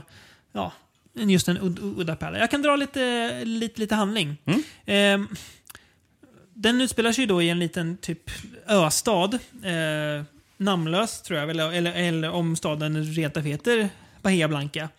Eh, men det, eh, de har hittat en man där, död. För någon som har drivit in till stranden. Mm. Det visar sig att mannen har blivit mördad, nämligen. Eh, och det blir ju då, vem har egentligen utfört det här mordet? Sheriffen, spelad av den älskvärde Antonio Mayan, som springer runt i hatt här väldigt, väldigt mycket. Han g- verkligen glider i den här typ filmen. Lite så sol, solstråhatt typ. Har han. Ja. Go glider han. Han ska väl ta reda på det. Eh, men sen kommer det dit en... Jag vet inte riktigt vad han är, den här Raúl Sebastian. En, en snubbe som glider in i en vit kostym. Nej. Eh, han är väl någon slags smågangster känns det som. För han glider in där, folk är lite rädda för dem och han, han går upp direkt och ligger med en, en tjej. Sen är det oklart vad han egentligen är, Raúl Sebastian. Mm. Folk pratar om att det är han som har mördat den här killen, men ja, jag vet inte. Ehm, och det säger, ja okej, är det en mordhistoria det här då? Mm, nej, det är det ju inte. Jag vet inte, det är svårt så här att peka på vad den här handlar om. Men jag måste ändå säga att den här har någonting mer än vad många så här, Franco-filmer, nu gör jag så här inom citattecken, utan handling har. Jaha. Eh, det, det här kan jag ändå så här, tycka att ga- ganska, så här, det är lite som att man får följa öbornas liv. Det är lite knepiga relationer. Lina Romay spelar ju någon slags Ja, hon är stum tror jag. Hon säger ingenting i filmen, tror jag. Hon verkar kanske lite lätt för, funktionsnedsatt. Ja, jag vet inte Hon om, är eller om gravid. hon bara inte kan prata. Vi de pratar om att, att hon är gravid. Men vi får faktiskt aldrig se henne ha sex. Hon springer runt väldigt mycket barbröstad. Otroligt mycket. Ja, väldigt mycket. Eh, men det är oklart Men vem... trots det så känns faktiskt inte filmen så slisig Nej. konstigt nog. Trots Nej. att, trots att vi ser så mycket Det är jätte- bara bröst det är jättemycket bara inte... bröst. Men, Men- men, det, men det är kanske för att man jämför med annan Franco. att Ja, man och att så. det är ganska så här, avsexualiserade scener. De liksom springer bara runt på typ stranden med, med, med, med kläder i, ö, i övrigt ju. Precis, men vilket är förvånande för det är ändå 80-tal och Mhm. Franco. Japp. Eh, ja. Här hade ju Franco liksom gjort hårdporr också. Men det är, nej men det, jag ska inte säga att det är en oskyldig film. Det är klart att, att den är ganska slisig men Men det är nog jätte. helt, väldigt anna, Ja, annorlunda. det är det. Eh, jag tycker den är en ganska mysig film ändå. Eh, Antonio Mayans är rolig här Ja. tycker jag. Han är ju ofta rolig, Antonio Mayans. Ja, Han har det- mycket kul. Han är kul. Den- Ehm, ja. Folk super mycket. Och typ snacka, snacka skit bara. Och, eh, en otrolig replik som förekommer i eh, en av filmens eh, ändå relativt få sexscener när en, en karaktär säger Why do, I, why do I have big emotions and a big cock? och då är jag så här, ja. Hur hänger de grejerna ihop? Ja. Men eh, han, han tänker så. Men jag, jag vet inte, det är något ändå. Jag tycker den är lite charmig den här filmen. Eh, även om den är så svår att greppa vad den handlar om. Den, det blir någon slags, ja, drar väl något slags hämnddrama i slutet. Eh, på omslaget är det en tjej med eh, i brudklänning, eller hur? Mm, precis, med Hon, eh, ett gevär. Precis, hon drar runt i slutet med, med det där geväret och är ute efter hämnd. Precis. Men ja, alltså, jag, jag har lite svårt att begripa egentligen vad filmen Mm. ska handla om. Jag också. Men jag tycker den är trevlig att titta på. Ja, men, men Alltså, den, den är- den är ganska trevlig. För det är på något vis en film som inte lika mycket som andra Franco-filmer man känner att här behöver det handla om någonting. Här är det som att karaktärerna räcker lite grann för att jag ändå Precis, ska jag här, behöver inte riktigt förstå. Nej. Exakt. Nu, nu, nu går vi emot det där vi ofta brukar säga. Nej, men det, Ja, men, ja, men det, det är något annat. Helt, ja, men, det, det, är nog- men det beror nog mycket på att den här filmen faktiskt har så mycket annat den Ja. erbjuder i just stämningen. Alltså den snygg faktiskt är den. Japp. Den är, har ett par scener med riktigt coolt foto. Mm. Som är här, där man, man får se den här typ Franco-inzoomningarna. Mm. Men, men som används alltså, väl använt. Lite, lite mer smakfullt man ska säga. Alltså Ja, ja. konstnärligt smakfullt. Ja, det är häftigt när någon går omkring och skjuter dem i slutet. Ja, det är det. Du Ehm, sa ju det när vi såg den då innan. Han, det här är ju det är ju lite så här konstnärlig den här filmen. Ja. Och det, jag förstår Ja. ju din för att den är liksom från 84. Man kopplar inte, man tänker att ja, men Franco var ju mer så här i typ Vampyros Lesbos och She Killed an Ecstasy när han Mm. var lite mer, ja, så, vad ska man säga, tänkte på fotot och stilistiken väldigt mycket innan det blev mycket mer slis. Mm. Eh, men nej, det här har det. Eh, jag tror att den här är en film han gjorde lite mer på egen hand. Ja. Alltså att han inte jobbar lika mycket med, det är klart han jobbar med någon producent. Men om jag har fattat rätt så tror jag inte, alltså inte hans vanliga producenter där han eh, producerade slis och snusk på lö- löpande band. Nej. Utan det här är något lite annat. Någonting jag inte begriper. det är eh, ett citat på baksidan på din eh, Severin i Blu- Blu-ray. Mm.